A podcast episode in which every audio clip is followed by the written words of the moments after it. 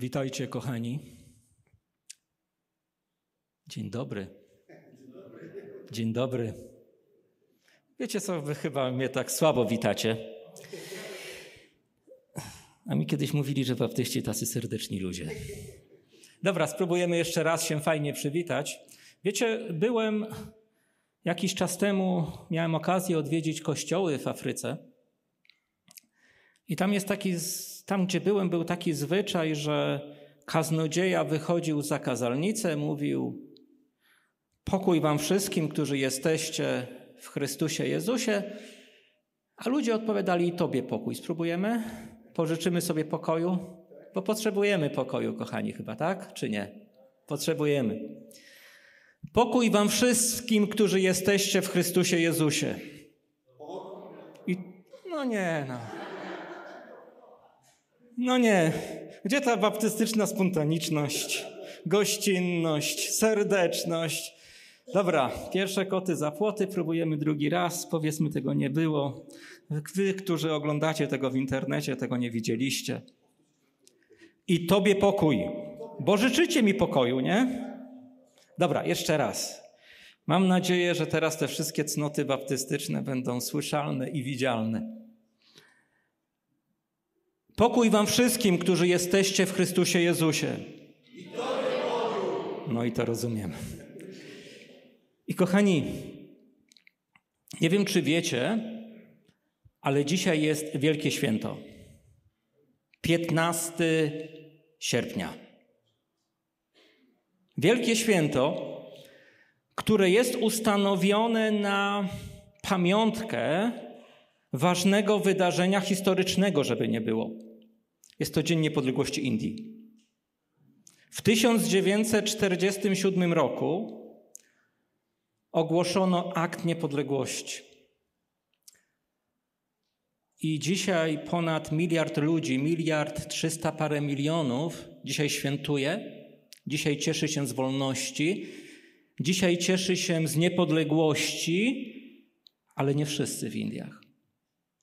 Bo są ludzie, dla których nie ma w tym kraju wolności, są ludzie, dla których nie ma miejsca w tym kraju, i to są dwie grupy. Jedna grupa to zapewne się spodziewacie, druga może niekoniecznie. Pierwszą grupą są chrześcijanie, drugą grupą są muzułmanie. Bo w radykalnym hinduizmie nie ma żadnego miejsca na inność. Nie ma miejsca dla ludzi, którzy inaczej wierzą, inaczej postępują. Dla, nie ma miejsca na tolerancję i za wiarę trzeba płacić najwyższą cenę. I kochani, chcę Wam dzisiaj opowiedzieć o kościele indyjskim i chcę, żeby jedna z sióstr Indii nam też opowiedziała o swoim doświadczeniu. Ale kiedy mamy mówić o prześladowaniach, o trudnym doświadczeniu, musimy sobie zawsze zadać pytanie, dlaczego? Dlaczego mamy znosić cierpienia? Dlaczego często z tego powodu, że przyznajemy się do Jezusa Chrystusa jako naszego Pana i Zbawiciela, spotyka nas zło, podczas gdy my staramy się czynić dobro? I proszę, otwórzmy drugi list apostoła Pawła do Koryntian na rozdziale czwartym i przeczytajmy wersety od siódmego do dziesiątego. Wiecie, apostoł pisał o swoich czasach. Pisał o sobie, o ludziach wierzących, o ich doświadczeniu. I fenomen Słowa Bożego, fenomen doświadczenia wiary jest taki, że to zawsze spotyka Kościół. Proszę posłuchaj. Mamy zaś ten skarb w naczyniach glinianych, aby się okazało, że moc, która wszystko przewyższa, jest z Boga, a nie z nas. Zewsząd uciskani, nie jesteśmy pognębieni. Zakłopotani, ale nie zrozpaczeni. prześladowani, ale nie opuszczeni, powaleni, ale nie pokonani. Zawsze, zawsze śmierć Jezusa na ciele swoim noszący, aby i życie Jezusa na ciele naszym się ujawniło. Dziwna tajemnica wiary, która mówi, że chrześcijanin, który chce, żeby na jego życiu, żeby w jego życiu ujawniło się życie Chrystusa, zawsze na swoim ciele nosi śmierć Chrystusa. Nie wiem, czy jesteśmy w stanie to zrozumieć. Zapewne nie. Ale bez śmierci, bez zmartwychwstania Chrystusa nie byłoby naszej wiary, nie byłoby usynowienia, nie byłoby zbawienia, nie byłoby włączenia w poczet obywateli Królestwa Bożego. A wszystko z łaski przez wiarę. I wiecie, mamy skarb jako chrześcijanie. Mamy skarb, o którym apostoł Paweł pisze, że jest on w naczyniu glinianym. Tak nie pakuje się skarbów. Jeżeli ktoś ma dzisiaj skarb, niesie go do depozytu w banku, ewentualnie zamyka w jakimś sejfie, w bunkrze, tak jak od wielu lat ludzie szukają skarbów trzeciej Rzeszy. Kamienna Góra to już cała przekopana i inne miejsca, a ludzie dalej szukają, ale nie szukają czegoś niepozornego. Gliniany garnek, gliniane naczynie jest niczym. Kiedy je kopniesz, rozpadnie się na wiele części. Nie ma w sobie żadnej mocy, żeby przetrwać. I wiesz co? Bóg nas porównuje do tych naczyń. Nas słabych, nas kruchych, nas, gdzie upadek faktycznie nas zabije.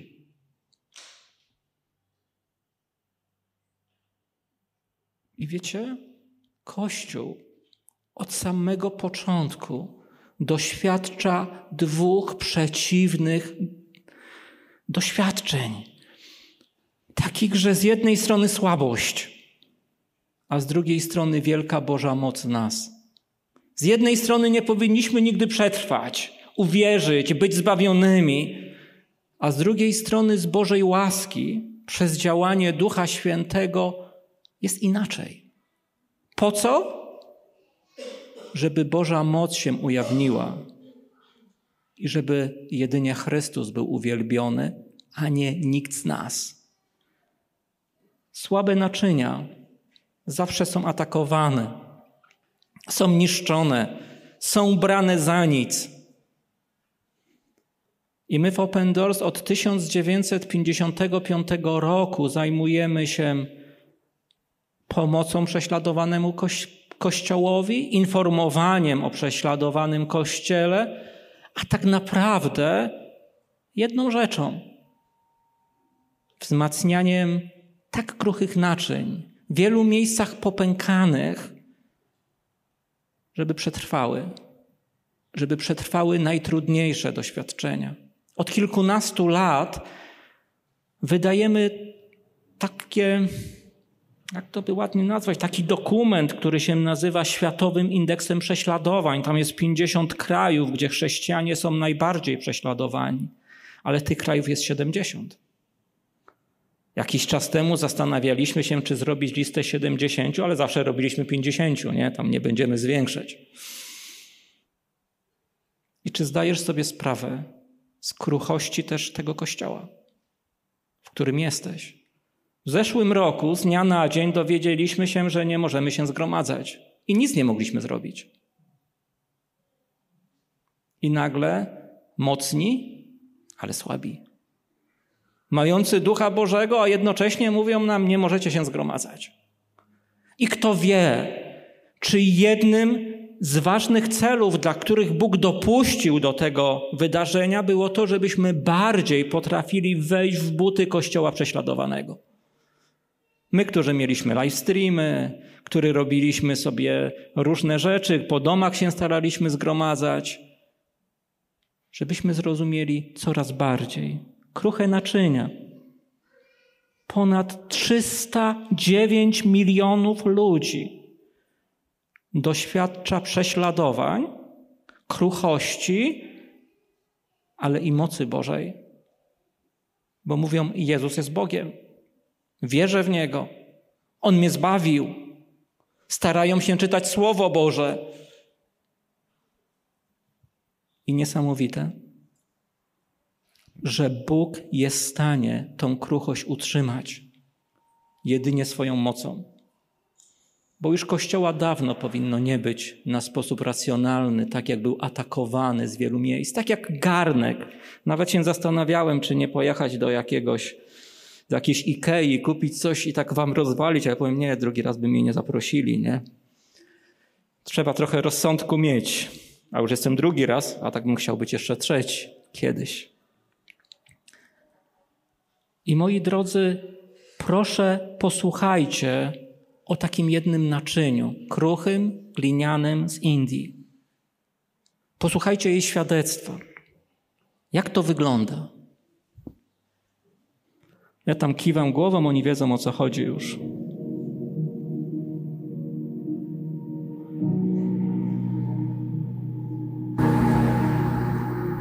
When they snatched my baby daughter from my arms, I felt as if our lives would not be spared that day.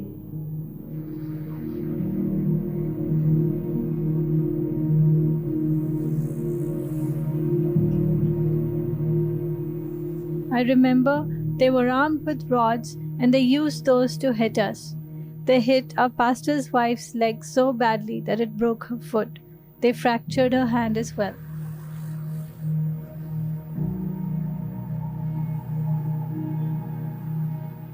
That night, for almost half an hour, they kept hitting us and beating us. They smashed up everything in the house. While they were beating me, I was holding my six month old daughter, but they snatched her from me and threw her on the floor, injuring her leg. As I was running, they were chasing behind, beating me, and trying to catch me. My life was saved as I ran into my neighbor's house and was protected. Otherwise, surely they would have beaten me to death.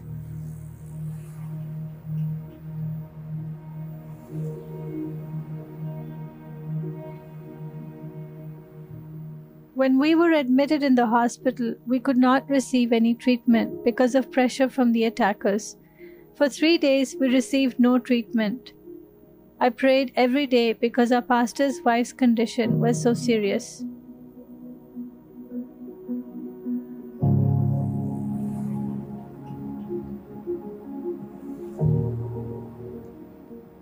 If it had not been for the timely help provided by your ministry partners, my pastor's wife would have died. She was in need of urgent care due to her serious condition.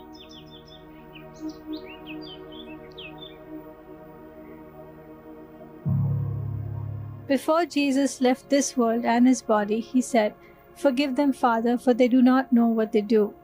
And from this verse, I have learned to forgive my enemies.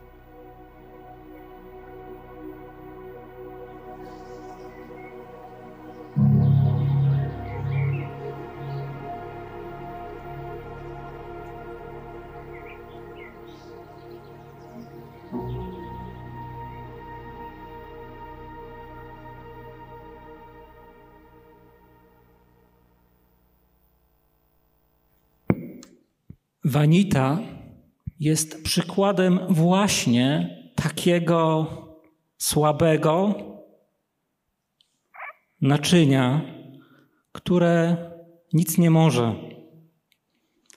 Nie jest w stanie funkcjonować bez Chrystusa, nie jest w stanie nic zrobić.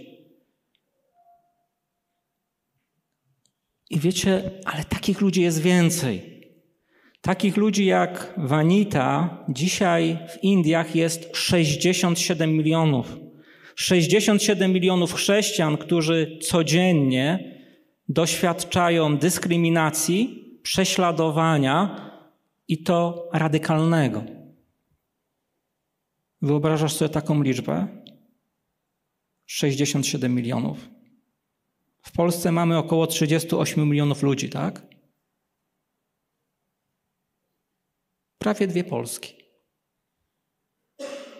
I wiecie, dzisiaj Indie świętują, i w związku z tym my w Open Doors chcemy Was wezwać do pewnej rzeczy. Świętujmy z Indiami, ale inaczej. Świętujmy modląc się o prześladowanych, modląc się o prawdziwą wolność też dla wszystkich innych ludzi, żeby mogli wyznawać swoją wiarę, żeby mogli też poznać Chrystusa. Dzisiaj jestem po to, żeby Was wezwać, zachęcić do wzięcia udziału w miesięcznej modlitwie za Indię. Dlaczego to jest takie ważne? Bo rzeczywiście chrześcijanie w Indiach są uciskani. I to są uciskani nie tylko od 1947 roku, odkąd powstał ten kraj, ale faktycznie od samego początku. W Indiach uważa się, że wtedy jesteś prawdziwym Hindusem, kiedy wyznajesz hinduizm. Jak nie wyznajesz hinduizmu, jesteś zdrajcą, porzuciłeś swój naród, porzuciłeś kulturę i zasługujesz tylko na jedno. Zasługujesz na prześladowanie. Uciskani, zakłopotani. Wiecie, jako Polacy trochę to rozumiemy. Są ludzie, którzy mówią, skoro jesteście baptystami, to czy jesteście w ogóle Polakami, nie? Jest ich mało. Ale to pomaga zrozumieć, przez co oni przechodzą. I sprawa jest poważna, bo radykałowie hinduistyczni wyznaczyli sobie termin oczyszczenia Indii z wszelkich wyznawców innych religii oprócz hinduizmu. Tym terminem jest koniec 2021 roku. A który mamy rok? Kto pamięta? 2021. I teraz jest czas, żebyśmy my, słabe Boże naczynia, które nie mają wpływu na politykę, nie mają wpływu na ekonomię, są słabi, żebyśmy stanęli w obronie tych, którzy są jeszcze słabsi od nas. Żebyśmy ich bronili, żebyśmy mówili o ich prawach i żebyśmy nie pozwolili prześladowcom, żeby zrealizowali swój cel. Prześladowanie, zakłopotanie, wszystko to zwiększyło się w czasie pandemii. Zapewne wiecie z mediów, że w Indiach był totalny lockdown. Faktycznie ludzie parę godzin przed lockdownem, przed zamknięciem wszystkich sklepów, dowiedzieli się, że wszystko będzie zamknięte i nie będą mogli opuścić swoich domów. Może widzieliście, nawet TVN pokazywał, jak hinduska policja pilnowała lockdownu i tak pałkami biła ludzi. Naprawdę pałkami takimi, wiecie, solidnymi. I jeżeli ktoś był bogaty, sobie poradził. Ale chrześcijanie to w większości ludzie biedni, wykluczeni społecznie wcześniej i są to tak zwani robotnicy jednodniowi. Wiecie, na czym polega ich praca? Robią, otrzymują zapłatę za ten dzień i później mają za co żyć w następnym dniu. Można coś odłożyć? Można przewidzieć, co się stanie następnego dnia. Kiedy nie masz dzisiaj pracy, jutro twoje dzieci nie będą miały co jeść. I wchodzimy w kolejną ważną sprawę była jakaś forma pomocy dla wielu ludzi. Słaba, bo słaba, ale była. Ale jeśli przychodził człowiek powiedzmy brat, który się nazywał powiedzmy Andrew, wiadomo, że to nie jest hinduskie imię, i chciał tą pomo- tej pomocy, mówili nie, nie. Dopóki nie wrócisz do hinduizmu, nie otrzymasz od nas nic. Ani jedzenia, ani picia, ani wody, ani mydła. A to wszystko było ważne i jest ważne, żeby przetrwać. I pomyśl, że byłbyś w takiej sytuacji. Dziecko ci mówi: Mamo, co dzisiaj będziemy jedli? A ty mówisz wiarę. Wiarę w Pana Jezusa. Bo my w Niego wierzymy i dlatego nie mamy nic do jedzenia.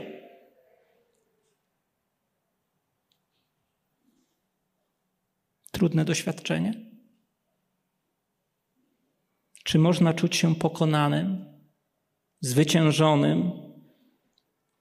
Czy można pomyśleć, to ja wrócę do hinduizmu, bo moje dzieci muszą jeść? I wiecie, to nie jest tak.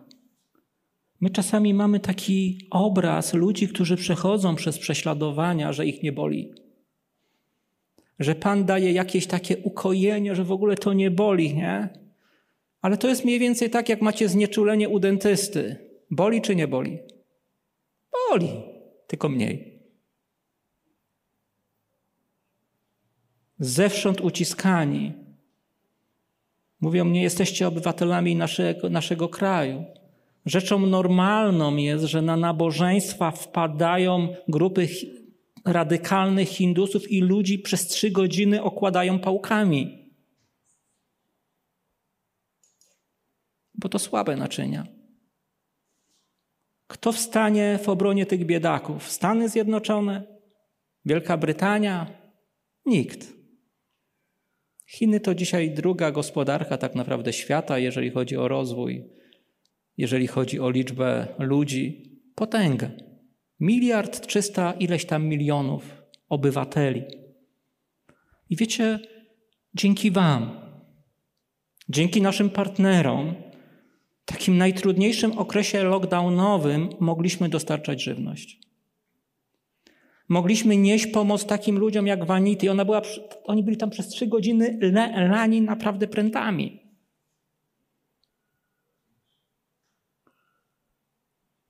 I dziękuję Wam. Dziękuję wszystkim, którzy dołożyliście swojej modlitwy, dołożyliście jednego grosza do każdego wsparcia tych słabych naczyń, które bliskie są rozpadnięcia, naprawdę. Bo my czasami myślimy, że to takie proste. Uciskani, ale nie jesteśmy pognębieni. To fajnie brzmi. I rzeczywiście Bóg daje pocieszenie, Bóg podnosi, ale ludzie są w depresjach. Ludzie często tracą jakąś radość z życia, zastanawiają się, bo są takimi samymi ludźmi jak ja i ty. Z tak samym wielkim Bogiem. I wiecie, Słowo Boże mówi: zakłopotani, ale nie zrozpaczeni, bo to jest kłopot. To jest ból, to jest cierpienie. Tu widzicie podpalony zbór, który płonie. Zbór pastora Arati. Podpalony, bo tam się spotkali, spotkali chrześcijanie. I wiecie, co się dzieje, kiedy jest takie podpalenie? Policja nie przyjmuje wniosków, nikt nie reaguje, tak samo się dzieje, jak są gwałty na chrześcijankach, jak są częste bicia, jak jest wykluczenie społeczne chrześcijan. I co zrobić? Zewsząd uciskani nie jesteśmy pognębieni, zakłopotani, ale nie zrozpaczeni. Ucisk i zakłopotanie idą w parze. I wiecie, kiedy byłem w różnych miejscach świata I rozmawiałem z ludźmi różnych kultur, różnych narodowości, ale łączył nas Chrystus. To oni często mówili, że w sytuacji skrajnej pomagały im dwie rzeczy: świadomość, że jest Bóg i świadomość, że jest za nimi Kościół. Kościół, który pamięta, który się modli, który przynosi czasami miskę ryżu. I tak pokazuje swoją miłość braterską. Ale w Indiach mieliśmy tak trudną sytuację i mamy, że my musimy nasze pakiety żywnościowe zmniejszać. Dwa lata temu one były większe niż są teraz. Środki są ograniczone. Potrzebujących jest coraz więcej, więc trzeba dawać coraz mniej. I to jest bardzo trudna decyzja. Wiecie, w kościołach też mamy różne podejście do COVID-a, różne teorie swoje. A część naszego zespołu umarła na COVID w Indiach, która pracuje rzeczywiście tam lokalnie. To są ludzie z lokalnych kościołów, sporo baptystów zresztą.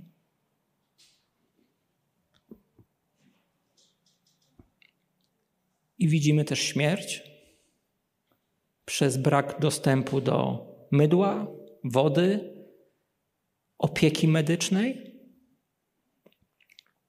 I ludzie wiedzą, że jest sposób wyjścia z tego. Wystarczy powrócić do hinduizmu. I wiecie, co jest jeszcze dalej? Prześladowani, ale nie opuszczeni, powaleni, ale nie pokonani. I to jest też cud Kościoła, że to, co jest tak kruche, tak słabe, Bóg naprawdę jest w stanie utrzymać przy życiu. Tu widzicie pewnego brata. Myślę, że dla nas, baptystów, jeszcze bardziej brata, bo to baptysta. W jego domu było błogosławieństwo jego dziecka. Był on, był pastor, była taka mała wspólnota, około 20 osób. I wpadli hinduiści z wioski i przez trzy godziny lali ich prętami. Oni uciekali, bo nic więcej nie mogli zrobić. Policja nie przyjęła oczywiście tego zgłoszenia, bo to tylko chrześcijanie. Takie omieciny świata, jak to też apostoł Paweł pisze. I znów, gdyby nie wy, gdyby nie wasza pomoc, praktyczne myślenie o chrześcijaństwie, ten człowiek by umarł, bo nie miałby żadnej opieki medycznej. Słyszeliście historię Wanity. Faktycznie chrześcijanie nie mają możliwości skorzystania z publicznej służby zdrowia. Fakt, że ona jest słaba w Indiach, ale jakaś jest. I wtedy potrzebne jest wejście Kościoła. Potrzebne jest pokazanie, że chrześcijanie nie tylko fajnie mówią, fajnie, fajne piosenki śpiewają, mają fajne nabożeństwo, w ogóle są fajni, ale że naprawdę jeden o drugim pamięta. Czasami się zastanawiam, czy przyszedłbym na nabożeństwo, czy z tej dalekiej Zielonej Góry przyjechałbym do, do, do dalekiej Gdyni, gdybym wiedział, że mogę zostać zabity na tym nabożeństwie. Pobity. Gdybyśmy wiedzieli, że nasza żona może być zgwałcona, czy byśmy chcieli razem stanąć i uwielbić Boga, czy byśmy powiedzieli: Nie, dzisiaj to nie może kiedy indziej. I to jest to, o czym pisze apostoł, prześladowani, ale nie opuszczeni mamy Kościół. Powaleni, ale nie pokonani. Rzeczywiście słabi, ale w Chrystusie ciągle mający zwycięstwo. I wiecie, czytanie Pisma Świętego jest problemem? posiadanie go staje się problemem. Ale dzięki Bogu ciągle powołuje Bóg odważnych ludzi, to jak pastor Jacob, którego tu widzicie, którzy starają się dzielić Ewangelią. Starają się mówić o Chrystusie. A w wielu stanach indyjskich wprowadzono prawo antykonwersyjne, antynawróceniowe, że faktycznie zapowiedzenie komuś Ewangelii. I to wiecie, nawet to nie trzeba jasno powiedzieć, trafiasz do więzienia. Jesteś przestępcą. A jakże często ja w wolnym kraju mam problem, żeby powiedzieć: Jestem chrześcijaninem, jestem członkiem takiego kościoła. Jak często, nawet jak to z jednym bratem dzisiaj rozmawialiśmy, nawet kiedy robi się coś tak banalnego jak spis powszechny, to nie ujawnię mojego wyznania, nie? Bo to moja prywatna sprawa. Albo nie podzielę się z kimś Ewangelią, bo, bo i po co, nie? Jak Pan Bóg będzie chciał, to kogoś przyprowadzi. To prawda. Ale prawda jest też, że On ma swój Kościół, który ma tą Ewangelię nieść aż po krańce ziemi. Hmm. Co dalej? Coś o wiele jeszcze trudniejszego. Zawsze śmierć Jezusa na ciele swoim noszący. Kiedy robimy różne eventy ewangelizacyjne, mówimy fajnie o chrześcijaństwie. Mówimy przyjdź, Pan Cię będzie błogosławił. Przyjdź, ułoży się Twoje życie małżeńskie. Przyjdź, Twój biznes będzie lepiej szedł, a to jest kłamstwo. Nie znajdujemy na to potwierdzenia w Słowie, może tak być. Wierzymy w Boże błogosławieństwo, ale wierzymy, że my z Chrystusem umarliśmy na krzyżu. Umarł stary człowiek. Jak pisze apostoł, zostałem ukrzyżowany, tak? I żyje już nie ja, ale żyje Chrystus. Śmierć Jezusa na ciele swoim nosząc. Czy o tym mówić w niedzielę w kościele? Bracie, powiedz coś optymistycznego. Ktoś mi kiedyś powiedział, że Maciek, ty jesteś taki apostoł smutku, nie? Przyjeżdżasz, nic wesołego nie, nie, nie, powiesz. Cały czas o tym cierpieniu, cierpieniu i cierpieniu. Nie mówię rzecz bardzo wesołą. Chrystus zmartwychwstał. Ale żeby zmartwychwstać, najpierw trzeba umrzeć. Jest pewna kolejność. A my, baptyści, często podkreślamy, a my uważamy, że kolejność ma znaczenie, nie? Nawet często nie rozumiejąc, co mówimy. I wiecie, jest taka siostra, która pochowała swojego męża. Dlaczego? Ta siostra ma na imię Kirki. Oni byli hinduistami, nawrócili się na chrześcijaństwo. Najpierw stało się to, co dzieje się zawsze. Zostali wykluczeni społecznie. Nie możesz pracować, nikt z tobą nie gada, masz problem z dostępem do wody. Jesteś na obrzeżu danej społeczności. Później zaczęło się bicie, a później jej mąż był torturowany. Ona to słyszała i został zamordowany. Tu widzicie tą siostrę nad grobem swojego męża. I nie mówimy o metaforze. Mówimy o tym, że my, jako chrześcijanie, naprawdę jesteśmy gotowi na śmierć dla Chrystusa. Nie dla jakąś niego, nie, taką, wiecie, niewygodę, że koło zboru nie ma miejsca parkingowego, nie? Ale naprawdę, żeby umrzeć. Bo skoro Pan za nas umarł, to czy my w Jego imieniu nie mamy czynić tego samego? Cierpienie, ból, śmierć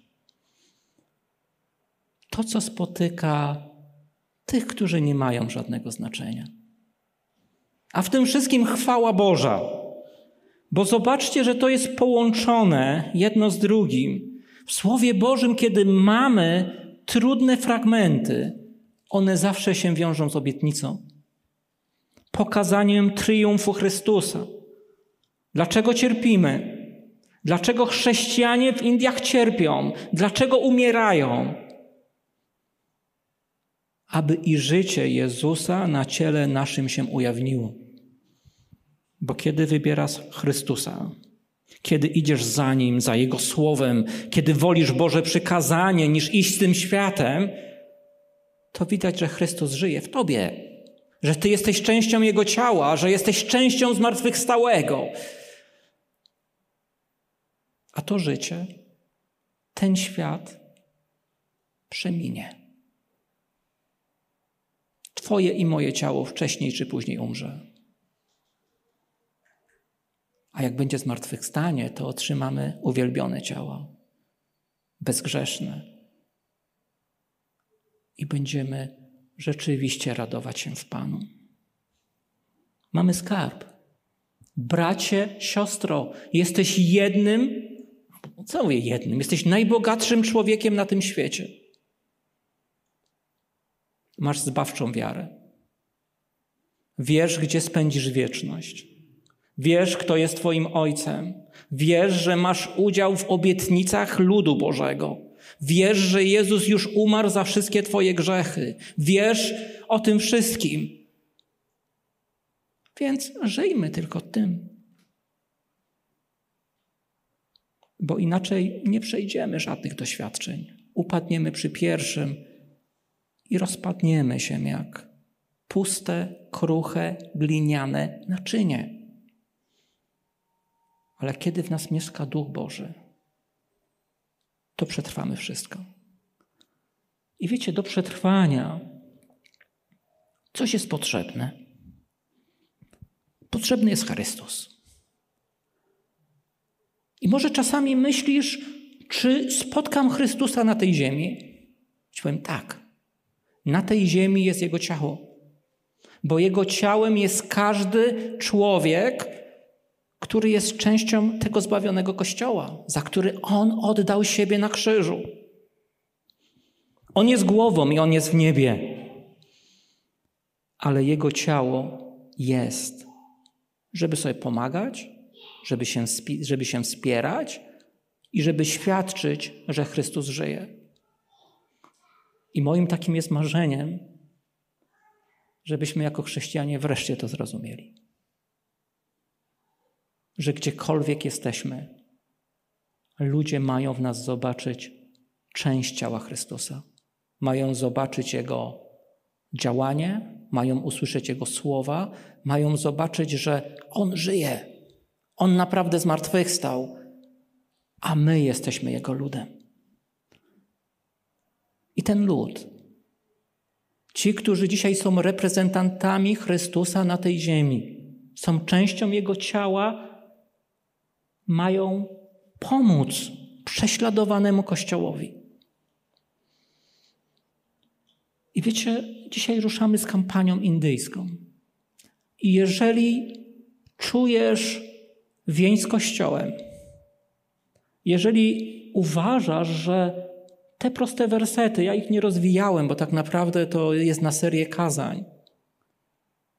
Jeden werset nawet. Że one są do ciebie, to proszę, weź na siebie dzisiaj brzemię. Brzemię odpowiedzialności najpierw za swój kościół lokalny, to jest podstawa, a później za ten kościół, który jest aż po krańce ziemi, z którym może w wielu kwestiach się nie zgadzasz i go nie rozumiesz. Po pierwsze, proszę, przyłączcie się do naszej kampanii indyjskiej. My naprawdę chcemy dzisiaj zawalczyć o Kościół w Indiach i to jest ostatni czas. Dzisiaj ta kampania kończy się w Wielkiej Brytanii, zaczyna się w Polsce. Wiecie, 15 sierpnia, Wielkie Święto, zapamiętajcie Dzień Niepodległości Indii. Wejdź na naszą stronę www.opendoors.pl łamane przez Indię i tam znajdziesz materiały, też Vanity, tam historię znajdziesz, zobaczysz, no też nawet filmik, jak chrześcijanie są bici. Bo wiecie, hinduiści to nagrywają na telefony i wrzucają w sieć. Wcale nie muszą z tym się ukrywać. I wtedy może bardziej poczujesz ten ciężar i odpowiedzialność. I trzy rzeczy, które możesz zrobić. Powiem możesz, bo od ciebie to zależy. Po pierwsze, módl się. Słowo Boże mówi, że wiele może usilna modlitwa sprawiedliwego. My do końca nie wiemy, o co chodzi, tak? W końcu Bożej woli nikt nie zmieni. Ale wiemy, że Kościół ma się modlić jeden o drugiego. I proszę, jeżeli możesz, wejdź na tą stronę i zapisz się, że weźmiesz udział w tej modlitwie. Wtedy pobierzesz materiały. Tam jest naprawdę bardzo dobre materiały mamy zrobione. Z opisem sytuacji, z historiami. Jeżeli jest intencja modlitewna, to też jest opisane, dlaczego się modlimy akurat o to. Nawet na nasze zlecenie jedna z najlepszych uczelni społecznych, London School of Politics and, Political Science, zrobiło badania w Indiach o prześladowaniu chrześcijan. Żeby już nie było, że to tylko chrześcijanie sami robią, daliśmy to naukowcom. I sami pisali, że byli poruszeni i płakali. Ludzie niezwiązani z Kościołem. Po drugie, wesprzyj. Znajdziesz tam opis jakichś projektów. I po trzecie, zabierz głos, bo chcemy Cię też zachęcić do tego, żebyś w mediach społecznościowych udostępnił te materiały z hashtagami do naszego Ministerstwa Spraw Zagranicznych, do naszego prezydenta, do naszego premiera, bo jako chrześcijanie mamy prawa obywatelskie i korzystajmy z nich. A jeżeli uważasz inaczej, to zobacz, że apostoł Paweł powoływał się na obywatelstwo rzymskie. I kiedy miano go biczować, nie powiedział, ale fajnie, będę cierpiał dla Pana. A powiedział, a wy obywatela rzymskiego bez sądu chcecie biczować? Bo nie mówi, a niech przyjdzie dowódca, a nie tak mnie cichaczem będziecie wy, wypuszczać, nie? Uczmy się też mądrości w korzystaniu z praw. I wiecie, wasz pastor mówił, że wy jesteście ludźmi konkretnymi, że lubicie liczby, że lubicie zobaczyć, co za tymi liczbami się kryje. Wesprzyj 100 złotych. To jest duży pakiet pomocowy dla ludzi, którzy nie mają co jeść. Twoje 100 złotych może spowodować, że rodzina będzie miała przez parę dni jedzenie. I nie trzeba będzie tych racji, wiecie, dzielić na coraz mniejsze, coraz mniejsze, aż w końcu się okaże, że są tak malutkie, że niewiele z tego wynika. 100 złotych. To jest mniej więcej wyjście do pizzerii. Gdzieś takiej no takie skromne trzyosobowej rodziny, że tam bez, bez picia jeszcze, nie? Że tam wyciągamy z torby tą, tą kolę, którą schowaliśmy. Z piciem wyjdzie jakieś 150. Bez szaleństw. Daj komuś na tydzień jedzenie. 400 złotych. O, to już więcej. To jest wyszkolenie lidera kościoła w Indiach człowieka, który, którego nauczymy, tak naprawdę nasi lokalni pracownicy nauczą, jak pracować z kobietami, które przeszły gwałt, jak pracować z ludźmi, którzy przeszli wielką traumę z powodu wiary w Chrystusa, żeby oni potrafili Kościół przeprowadzić przez bardzo trudny okres prześladowań. To jest aż 400 złotych. Ale myślę, że chcielibyście w zborze mieć takiego człowieka, jeżeli byśmy doświadczali. Chcielibyście, żeby was pastor nabrał pewnych kompetencji, w takim pozytywnym sensie. No i teraz dużo, 1200 zł.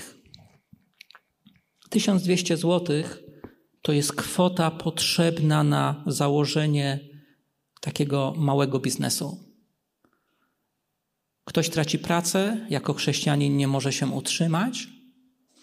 1200 zł, żeby kobieta założyła sobie warsztat krawiecki, żeby dostała maszynę, żeby ją nauczyć tego wszystkiego, żeby dostała pierwsze materiały. Bo to wiecie, co jak dasz maszynę, nie dasz wiedzy, nie dasz materiałów, nie dasz. Ja nawet nie wiem, co tam jest, jest potrzebne, to nawet nie będę mówił, bo później ktoś powie, Maciek się nie znasz. Kiedyś tak o rolnictwie mówiłem, przyszedł jeden brat po nabożeństwie, kochany bracie, pięknie mówiłeś, tylko ty już nie mów przykładów o rolnictwie, bo się na tym nie znasz.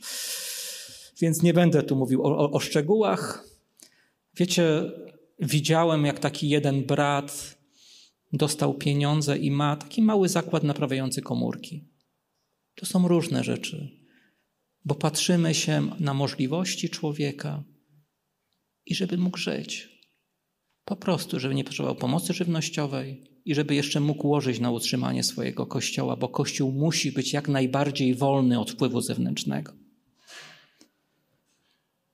Jeśli możesz, wesprzyj.